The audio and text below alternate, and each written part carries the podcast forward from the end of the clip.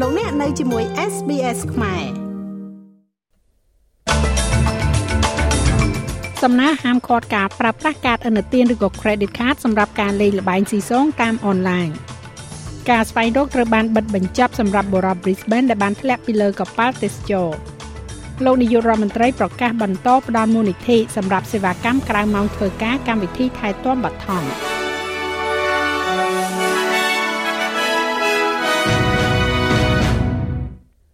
រដ្ឋាភិបាលសហព័ន្ធបានប្រកាសអំពីសំណើមួយដើម្បីហាមឃាត់ការប្រើប្រាស់កាតឥណទានឬក៏ហៅថា credit card សម្រាប់ការលេងល្បែងស៊ីសងតាមអនឡាញដោយដែលបានណែនាំដោយការស៊ើបអង្កេតរបស់សភាឆ្នាំ2021ប្រហែលជា15ទៅ20%នៃការលេងល្បែងតាមអនឡាញនាពេលបច្ចុប្បន្ននេះត្រូវបានធ្វើឡើងដោយ credit cards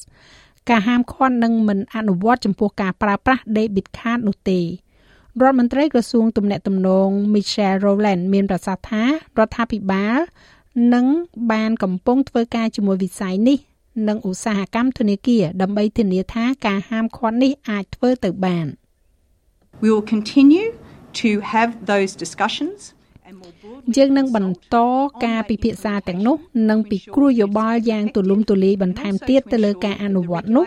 ដើម្បីធានាឲ្យបានថាវាមានប្រសិទ្ធភាព និងធានាផងដែរថាបទបញ្ញត្តិនេះអាញាធរទំនាក់ទំនងនឹងប្រព័ន្ធផ្សព្វផ្សាយអូស្ត្រាលីត្រូវបានអនុញ្ញាតឲ្យធ្វើការងាររបស់ខ្លួនយ៉ាងត្រឹមត្រូវដើម្បីធានាថាការហាមឃាត់នេះចូលជាធរមាន និងមានសមត្ថភាពជាឥទ្ធិពលដែលអាចវាស់វែងបានទៅលើជីវិតមនុស្ស សមាជិកសភាឯករាជ្យលោក Andrew Wiki បានស្វាគមន៍ចំពោះសំណើរបស់រដ្ឋាភិបាលចំពោះការហាមឃាត់ការប្រើប្រាស់ credit card សម្រាប់ការលេងល្បែងស៊ីសងតាមអនឡាញនេះសំណើនេះរួមបញ្ចូលទាំងច្បាប់ថ្មីដែលហាម5មិនឲ្យប្រើ credit card ជាទម្រង់នៃការទូទាត់សម្រាប់ការលេងល្បែងតាមអនឡាញក្នុងរយៈពេលប្រមាណខែទៀតលោក Wiki និយាយថាអ្នកលេងល្បែងស៊ីសងគួរតែត្រូវបានអនុញ្ញាតឲ្យលេងដោយប្រើប្រាស់ប្រាក់ផ្ទាល់ខ្លួនរបស់ពួកគេតែប៉ុណ្ណោះ។ really fabulous news that the federal government is going to ban the use of ជាព័ត៌មានដ៏អស្ចារ្យដែលរដ្ឋាភិបាលសហព័ន្ធនឹងហាមឃាត់ការប្រើប្រាស់ credit card សម្រាប់ការលេងល្បែងស៊ីសងតាមអ៊ីនធឺណិតវាជាដំណឹងល្អវាគួរតែធ្វើតាំងពីយូរមកហើយហើយវានឹងផ្ដល់ហិរញ្ញប្បទានសម្រាប់ការលេងល្បែងតាមអ៊ីនធឺណិតស្របទៅតាមទម្រង់នៃការលេងល្បែងស៊ីសងផ្សេងទៀតនៅក្នុងប្រទេសនេះឥឡូវនេះសម្ពាធគឺស្ថិតនៅលើរដ្ឋាភិបាលសហព័ន្ធឲ្យអនុវត្តលើការផ្ដល់ការសន្យានេះ។ នៅក្នុងពេលឆាប់ឆាប់ខាងមុខនេះប្រជាជនអូស្ត្រាលីប្រហែលជាឃើញមានវិជ្ជបណ្ឌិតគិលានុបដ្ឋាយិកានិងឱសថការីនៅធ្វើការក្រៅម៉ោងបន្ថែមទៀតបន្ទាប់ពីការប្រកាសរបស់លោកនាយករដ្ឋមន្ត្រី Anthony Albanese នៅក្នុងអំឡុងពេលកិច្ចប្រជុំគណៈរដ្ឋមន្ត្រីជាតិលើកចុងក្រោយនៅមុនកញ្ចប់ថវិកាសហព័ន្ធប្រកាសក្នុងខែឧសភានេះរដ្ឋាភិបាលបានអនុម័តលើសំណើកញ្ចប់ថវិកាមួយដើម្បីពង្រីកការផ្តល់មូលនិធិ សម្រាប់សេវាកម្មក្រៅម៉ោងធ្វើការសម្រាប់កម្មវិធីថែទាំបឋមដែលនឹងត្រូវបញ្ចប់ក្នុងខែមិថុនាលោក Albanese មានប្រសាសន៍ថាការផ្តល់មូលនិធិបន្ថែមសម្រាប់ Medicare នេះនឹងគ្រប់គ្រងដល់កម្លាំងពលកម្មផ្នែកសុខាភិបាលដើម្បីពង្រីកនិងផ្តល់ម៉ោងបើកបម្រើសេវាកម្មឲ្យបានយូរជាងមុន Today to preempt some of the announcements that will be នៅថ្ងៃនេះដើម្បីទប់ស្កាត់ការប្រកាសមួយចំនួនដែលនឹងមានក្នុងកញ្ចប់ថវិកាសហព័ន្ធក្នុងរយៈពេលមួយសប្តាហ៍កន្លះទៀតនោះខ្ញុំមានសេចក្តីសោមនស្សរីករាយក្នុងការនិយាយថាយើងបានយល់ព្រមហើយក៏មានការយល់ព្រមសម្រាប់ការប្រកាសដំបូងរបស់រដ្ឋាភិបាល Commonwealth នៅពេលនិយាយអំពីសុខភាពរបស់វិធានការជាក់ស្ដែងចំនួន2200លានដុល្លារដើម្បីពង្រឹងការថែទាំដូច្នេះវាដកសម្ពាធចេញពីប្រព័ន្ធមន្ទីរពេទ្យសាធារណៈរបស់យើងនៅទូទាំងប្រទេសលោកនាយករដ្ឋមន្ត្រី Anthony Albanese ក៏នឹងលើកឡើងអំពីផែនការរបស់លោកសម្រាប់ការរីកចម្រើននៅពេលដែលជួបជាមួយនឹងអភិបាលរដ្ឋនៅទីក្រុង Brisbane នៅថ្ងៃនេះផ្នែកមួយនៃផែនការនេះគឺការកែលម្អប្រព័ន្ធអន្តោប្រវេសន៍ដែលបានប្រកាសកាលពីថ្ងៃប្រហ័សទី27ខែមេសាបន្ទាប់ពីការពិនិត្យឡើងវិញដែលធ្វើឡើងក្នុងមួយចំនួនម្ដងបានរកឃើញថាប្រព័ន្ធរបស់អូស្ត្រាលីបានខូចខាត គេនឹងដំឡើងប្រាក់បៀវត្សអបបរមាសម្រាប់បុគ្គលិកកម្មករដែលទទួលបាននឹងការឧបត្ថម្ភឲ្យឡើងដល់70000ដុល្លារនិងបង្កើតផ្លូវសម្រាប់ទៅកាន់សិទ្ធិរស់នៅជាអចិន្ត្រៃយ៍សម្រាប់ជនចំណាក់ស្រុកបណ្ដោះអាសន្នជាង2លាននាក់នៅក្នុងប្រទេសនេះប្រធានក្រុមប្រឹក្សាសហជីពអូស្ត្រាលីលោកស្រី Michelle O'Neil មានប្រសាសន៍ថាលោកស្រីស្វាគមន៍ចំពោះវិធីសាស្ត្រផ្អែកទៅលើផុសតាំងនេះ So we want to make sure that there's a system that is based on ដូច្នេះយើងចង់ធ្វើឲ្យប្រកាសថាមានប្រព័ន្ធមួយដែលផ្អែកទៅលើការផ្ទៀងផ្ទាត់ឯករាជ្យយ៉ាងម៉ត់ចត់នៅកង្វះខាតដែលបុគ្គលិកកម្មករក្នុងស្រុកត្រូវបានផ្ដល់ឱកាសឲ្យបណ្ដុះបណ្ដាលនិងស្វែងរកការងារនោះសម្រាប់ពេលអនាគតហើយយើងនាំយកជនចំណាក់ស្រុកមកក្នុងប្រទេសនេះក្នុងរបៀបមួយដែលមានការខ្វះខាតពិតប្រាកដប៉ុន្តែយើងក៏គ្រប់គ្រងពួកគេដែរហើយធ្វើឲ្យប្រកាសថាពួកគេមិនងាយរងគ្រោះទៅនឹងការកេងប្រវ័ញ្ចឡើយ។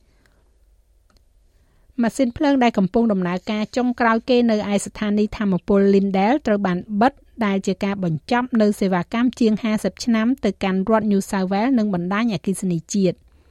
មនុស្សជាច្រើនបានប្រមូលផ្ដុំគ្នាដើម្បីលារោងចក្រមួយនេះនៅថ្ងៃសុក្រទី28ខែមេសាជាកន្លែងដែលធ្វើ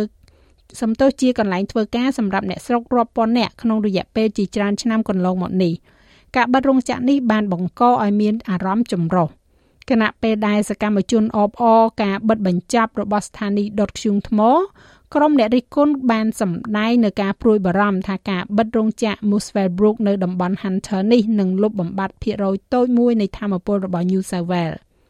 ម្ចាស់ក្រុមហ៊ុន AGL Energy និយាយថាខ្លួនបានត្រៀមសម្រាប់ការបិទនេះអស់រយៈពេល7ឆ្នាំកន្លងមកហើយដោយបន្ថែមធម្មពលខ្យល់និងពន្លឺព្រះអាទិត្យបន្ថែមទៀត។ ការប្រមូលផ្ដុំនៅកន្លែងធ្វើការនៅព្រឹកថ្ងៃសុក្រនេះគឺសម្រាប់ការបិទរោងចក្រហើយកម្មករម្នាក់បានប្រាប់ Sky News ថាវប្បធម៌កន្លែងធ្វើការរបស់រោងចក្រនេះមានភាពស្និទ្ធស្នាលគ្នាខ្លាំងណាស់ That's the actual legacy of the build, uh, how everyone bonds together. នោះគឺជាកេរដំណែលពិតប្រាកដរបស់រោងម៉ាស៊ីននេះយើងបានបង្កើតនៅចំណងមិត្តភាពជាមួយគ្នា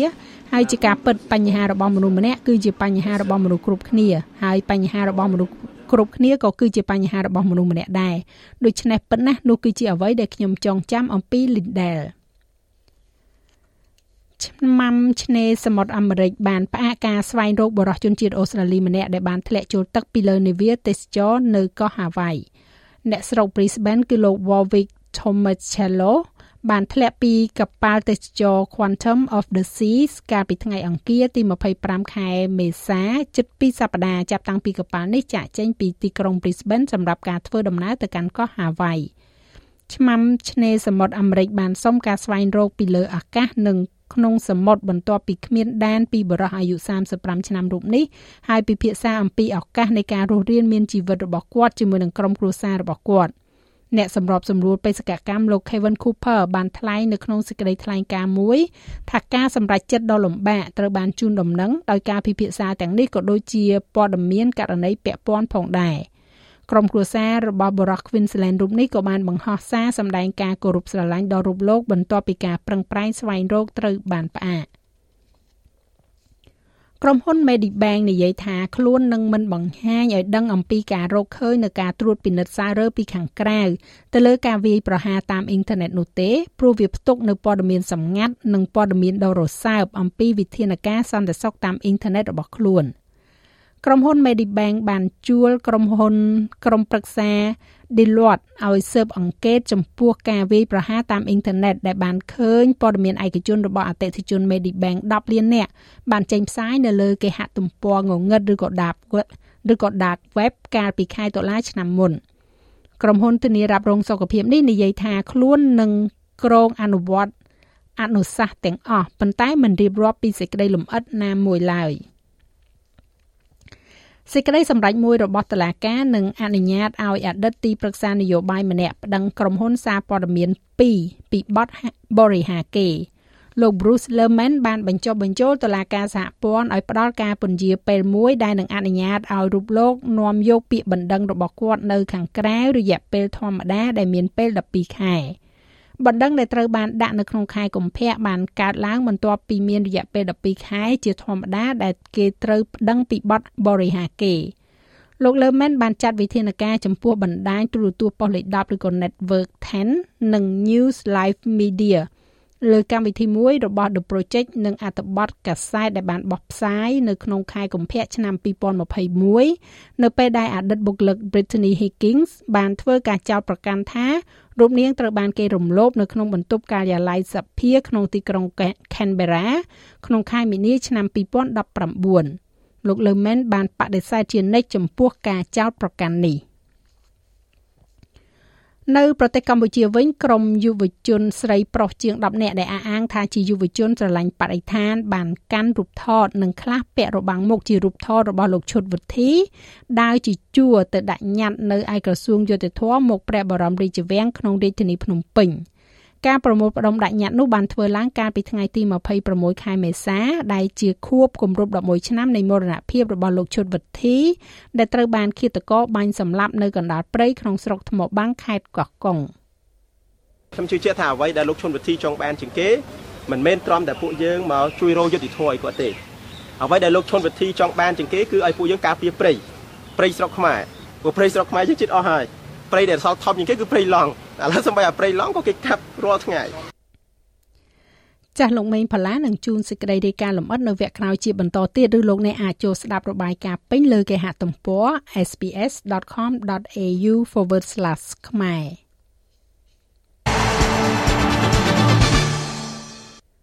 នៅក្នុងព័ត៌មានកីឡាបាល់ទាត់ ក្តីស្រមៃរបស់តារាឆ្នើម Sam Kerr នៃក្រុម Matildas នៅក្នុងការឈ្នះពានរង្វាន់ Women's Champion League ត្រូវបានចាប់រយៈពេល1ឆ្នាំទៀតហើយបើទោះបីជាមានការខិតខំប្រឹងប្រែងយ៉ាងក្លាហានក្នុងវគ្គពាក់កណ្ដាលផ្ដាច់ព្រាត់ជាមួយនឹងក្រុមបាសេឡូណាក៏ដោយ។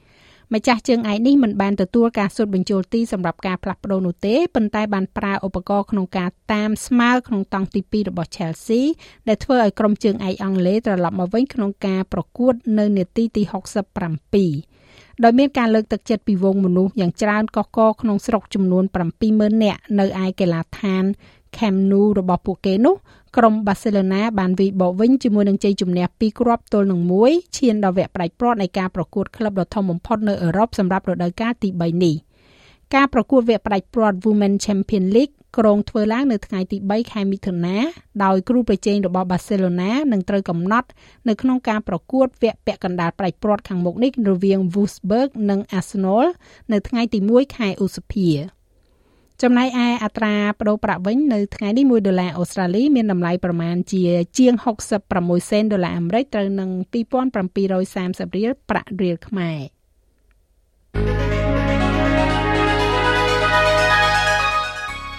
យើងក៏លេខមកមើលការព្យាករណ៍អាកាសធាតុសម្រាប់ថ្ងៃសៅរ៍ស្អែកនេះវិញទីក្រុងផឺតបើកថ្ងៃ22អង្សា រលឹមបន្តិចបន្តួចនៅអាដាលេដ17អង្សាដូចគ្នានៅមែលប៊ន16អង្សាហូបាតភាគច្រើនបើកថ្ងៃ15អង្សា មានរលឹមនៅខេនបេរ៉ា17អង្សារលឹមដូចគ្នានៅស៊ីដនី21អង្សា នៅ Brisbane រលឹមខ្លាំងឡើងខ្លាំងឡើង24អង្សាភាគច្រើនបើកថ្ងៃនៅទីក្រុង Cairns 30អង្សា បើកថ្ងៃល្អនៅ Darwin 33អង្សា និងមានពពកដោយពេលនៅទីក្រុងភ្នំពេញ36អង្សាចុ